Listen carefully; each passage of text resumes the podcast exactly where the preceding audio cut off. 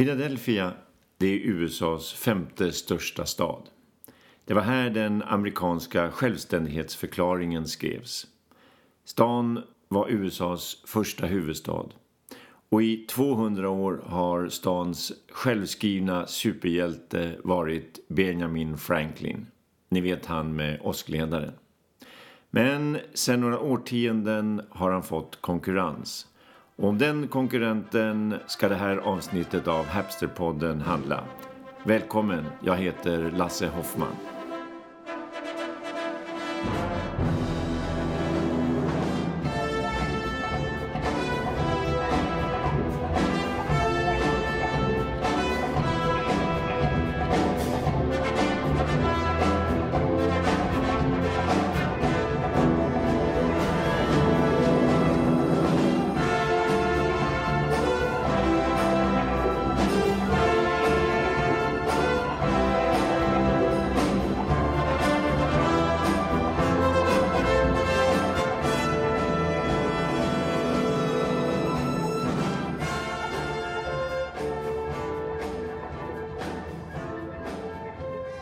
Kände ni igen den? Gonna Fly Now, spelad här av Korean Pops Orchestra. Med andra ord, det är en världshit. Vi återkommer till den. Det stora fina konstmuseet i Philadelphia, det ligger i slutet av Benjamin Franklin Parkway. På en liten kulle och museet byggdes till hundraårsminnet av undertecknandet av självständighetsdeklarationen som också skedde här i Philadelphia. Alltså 1876 invigdes museet. Idag är museet ett av världens största med nästan en miljon besökare varje år. Gamla konstkännare må rynka på näsorna men idag är trapporna upp till museet troligen mer kända än själva museet. Trapporna det är en av filmhistoriens mest kända platser. Statyn som står vid trappans fot, direkt till höger, det kanske är den mest beskådade statyn här i Philadelphia och den mest avfotograferade. För där står statyn av Rocky Balboa och trapporna, de heter numera Rockys trappor. För det är här, uppför dessa trappor som eh, Sylvester Stallone springer i den första Rocky-filmen till tonerna av just Gonna Fly Now. Det är en verkligt klassisk filmscen och faktiskt tagen från verkliga livet. För här har den förre världsmästaren i tungviktsboxning och dessutom Philadelphia-bon Joe Frazier sprungit. Scenen där Rocky springer upp för trapporna det är en av de mest kända och storslagna ögonblicken i underhållningshistorien enligt kännare. Turist- och näringslivschefen i Philadelphia lär ha sagt att Sylvester Stallone och Rocky de har gjort mer för stan än någon annan sen just Benjamin Franklin. Om vi hoppar tillbaka till Sylvester Stallone. Han föddes i New York 1946. Den här actionhjälten har alltså hunnit bli 71 år nu. Hans pappa kom från Italien, hans mamma var fransk-ukrainare och Sylvester Stallone är faktiskt släkt med en av Ukrainas oligarker, Valeri Kravchenko. Sylvester är lite sned i ena kinden och halva läppen och det är en skada från födseln. Barnmorskan fick använda två tänger för att liksom dra ut Sylvester Stallone och den ena tången ska ha skadat några nerver i ansiktet som gjort eh, både vänstra läppen, tungan och del av kinden förlamad. Och han har faktiskt en tidig anknytning till Philadelphia långt innan Rocky-filmen.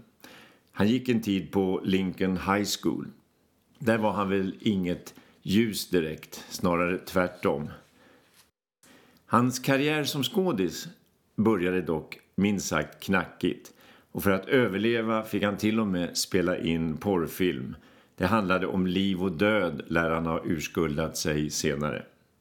Okej, okay, karriären hankar sig fram med lite småroller. Statist i Mars till exempel. Men i mars 1975, då händer det någonting. Det är dags för en av de här alla oräkneliga titelfighterna i tungviktsboxning. Muhammad Ali, han har just vunnit tillbaka världsmästartiteln. Det gjorde han i oktober 74. När han slog ut George Foreman i The Rumble in the Jungle i Zaire i Kinshasa. Nu ska Ali gå nästa match. Motståndare är en ganska okänd Chuck Weepner. Ingen stor boxare. Han är mycket stryktålig och han har långsamt, långsamt kämpat sig fram till en match om titeln. På förhand beskrivs det här som kattens lek med råttan. Ali får till exempel en och en halv miljon dollar för matchen. Weepner får nöja sig med 100 000. Men som sagt, Chuck är en seg typ. If I survive the Marines I can survive Muhammad Ali, säger Chuck innan matchen. Han hade varit marinkårssoldat innan han som 25-åring blev boxningsproffs.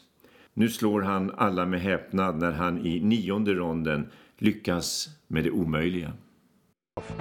We're in round number nine, the early moments. Bell rang for round nine, and I went out from the corner just like I always did. Finally, about halfway through the round, he threw a big jab, and I slipped under it and threw that big right hand right under the heart. His left. Oh! A vicious shot to the rib from Muhammad Ali, and what a surprise! Chuck Wepner gets to the body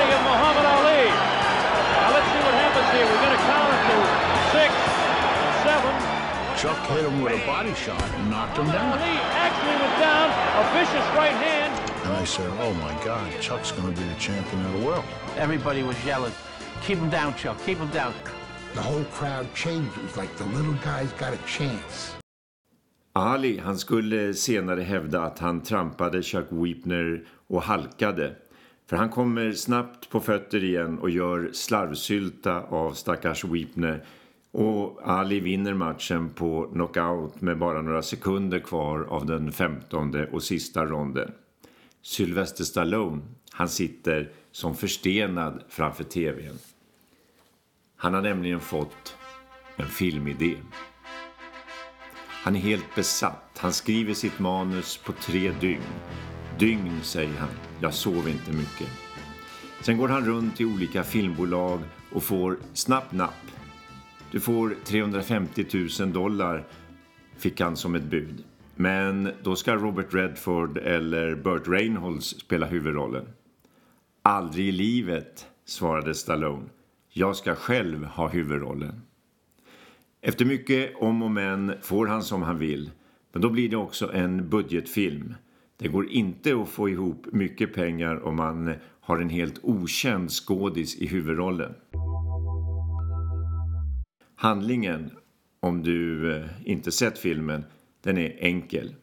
Året 1976, USA ska fira 200 år och världsmästare som sagt, mycket inspirerad av Muhammad Ali, ska boxas en jubileumsfight i nationens födelsestad Philadelphia. Den tilltänkte motståndaren, han blir skadad och tvingas lämna återbud- och då väljs en helt okänd lokal boxare med det välklingande affischnamnet Den italienska hingsten. Han blir ny motståndare, i sin tur inspirerad av Chuck Weepner. Det som är så kittlande med filmen det är förstås återigen The American Dream. Mr Nobody kan bli världsmästare. Lika tröttsamt som falskt tema att eh, inget är omöjligt bara du har den rätta viljan. Skillnaden mellan verkligheten och Rocky det är ju att Weepner faktiskt förtjänade sin mesta fight. Han var rankad tvåa i världen. Rockys fight det är ju bara ett PR-jippo. Som om Danmark skulle möta Kanada i hockey och Danmarks tränare sa vi kan vinna bara vi vill tillräckligt mycket. En som direkt blev sur, det var Chuck Weepner. Han som fått stryk av Muhammad Ali. Han stämde Stallone Oklart för vad, men Stallone förnekade hårdnackat att han skulle ha inspirerats av fighten mellan Ali och Weepner. Inte lite komiskt eftersom alla visste att det var ju så. Och till slut blev det också en uppgörelse där Chuck Weepner fick en okänd summa pengar för att lägga ner sin stämning.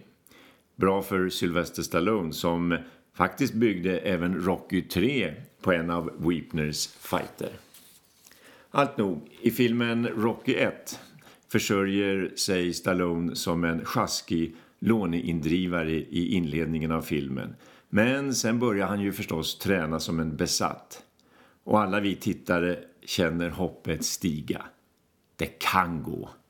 Återigen köper vi The American Dream. Och när matchen ska börja så kommer mästaren in på arenan utklädd till självaste George Washington. Och det blir förstås en tuff, en lång och en jämn match. Men eh, tack Sylvester Stallone för att du inte lät Rocky vinna. Det hade bara varit för mycket. Det blev en eh, väldigt bra film trots allt. Trots att det blev en eh, budgetfilm, en riktigt lågbudgetfilm. Hela kalaset kostade bara lite över en miljon. Mer pengar fick man inte ihop. Den spelade in 225 miljoner dollar. Mest av alla filmer 1976. Recensionerna de blev förvånansvärt bra överlag. Och Sylvester Stallone, han fick uppleva The American Dream. Han gick från att varit en C-skådis till stor stjärna, kanske över en natt. Och apropå lågbudget, hela Stallones familj är med i filmen. Hans pappa sköter gonggongen under matchen. Hans bror spelar fyllo utanför en bar i inledningen av filmen och så vidare och så vidare. En annan som är med i filmen det är Michael Dorn. Han spelar livvakt åt Apollo Creed, världsmästaren. Michael Dorn skulle sen bli känd genom filmerna Star Trek. Och en som inte fick vara med i Rocky men som också blev känd så småningom det var Susan Sheridan. Hon provspelade för rollen som Rockys flickvän. Men hon var för snygg, ska det ha sagts. Så kan det också gå. Pengarna då? Jo, scenen med Rocky och hans blivande flickvän, deras första dejt, den fick skrivas om.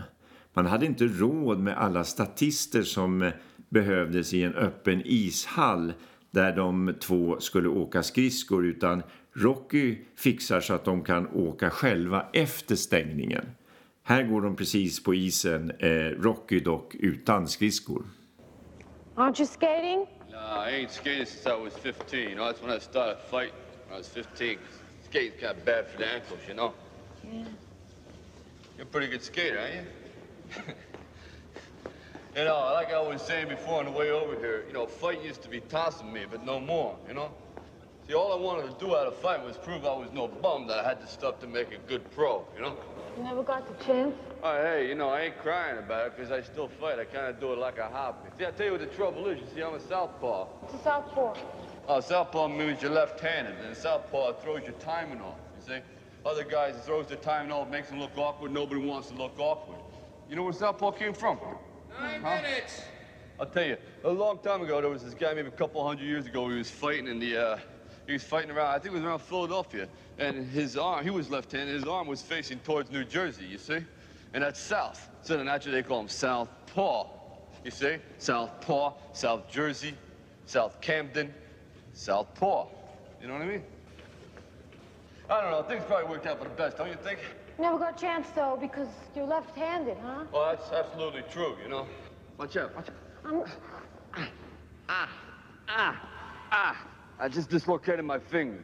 Ah, look at that. Oh! No, no, no. Hey, wait, hey, hey, it ain't your fault. Look, see, look, I had it. It's all, it's an old wound. You see that? Look, see, nothing. It bends like that. See, I originally done it. Look, push the button. Bong, works. No, it ain't your fault. Look, I'm gonna show you something. Seven minutes. Yeah, I originally, I originally done it. I carry pictures of all my fights. I originally done it in the Baby Crenshaw fight. You see that? Big baby's about the size of an airplane. I broke both my hands on his face. I lost that fight, but that's a nice picture, don't you think? See how it works there?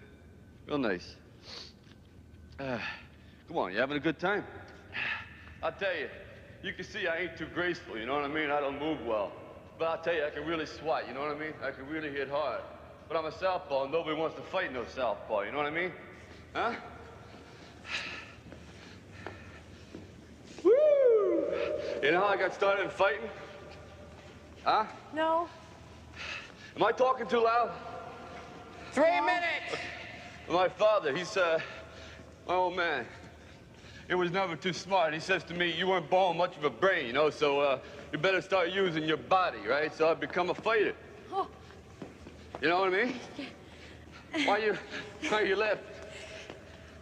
My mother, she said the opposite thing. What'd she say? What'd she say the opposite? She said you weren't born much of a body, so you better develop your brain. Did she say that? You! Time! Can I ask you a question? Absolutely.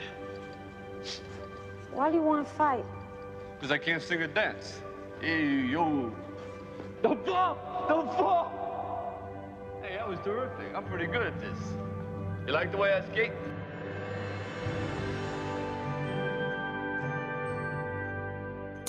Och musiken, den fick kosta 25 000 kronor. Inte ett cent mer. Då skulle allt ingå, kompositör, musiker, studio, till och med inspelningstejpen som användes på den här tiden skulle vara med i pengarna. Allt. Och ändå blev det en listetta. Ganska fantastiskt.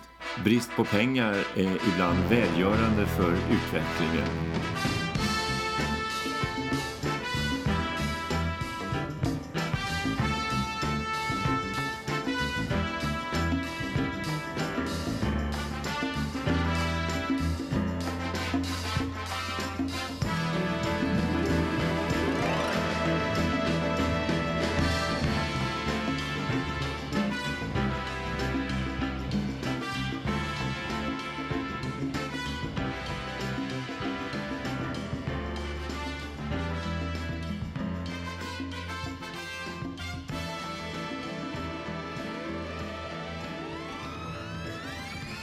Rocky omnämns ofta som den första film med den så kallade steadicamen. För här kunde filmaren springa bredvid Rocky uppför trapporna med kameran bärande och ändå var det stadigt. Annars hade man ju fått bygga en kostsam räls uppför trapporna och dragit upp en vagn med kamera och filmar och allt på. Och efter lite gurgel så står nu statyn vid foten av Fairmont, den lilla kullen med trapporna upp till Philadelphias konstmuseum. Sommar som vinter. Den gjordes för den tredje Rocky-filmen. Då placerades statyn uppe vid museet. Det var 1982. Sen försvann den in på ett lager 1992 plockades den ut. Då skulle den femte Rocky-filmen spelas in. Sen 2006 så står den här som en hyllning åt Stallone och åt Rocky eftersom de, eller han, gjort mer för stan än någon annan sedan Benjamin Franklin. Och här är det en ständig kö av besökare som vill fotograferas tillsammans med Rocky. Gamla som unga, män som kvinnor.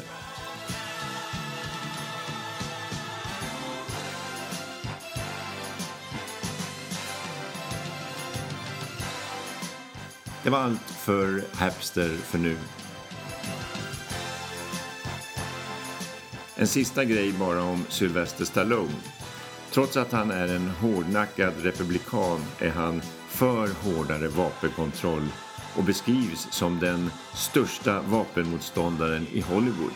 Detta trots alla Rambo-filmer som följde på Rocky-filmerna.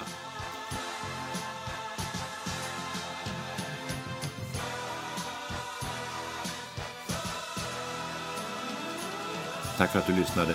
Hej!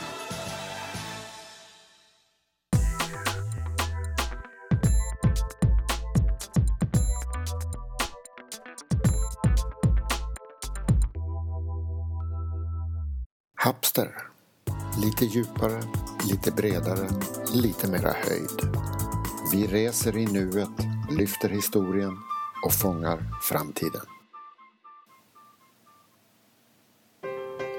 Vi finns på Facebook som Hapster Podcast. Länkar och extra material hittar du alltid på hapster.se på webben. Och våra poddar finns på iTunes respektive Soundcloud. Tack för att du följer oss.